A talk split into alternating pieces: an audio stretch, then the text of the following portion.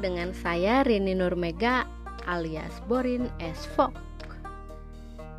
Semoga semuanya sehat selalu, yang sakit cepat sembuh dan segala urusan kita dilancarkan. Amin. Podcast ini saya akan membahas seputar budaya dan produk budaya. Banyak banget kan? Dengan harapan semoga make sense di kemudian hari. Semoga bermanfaat ya. Bye.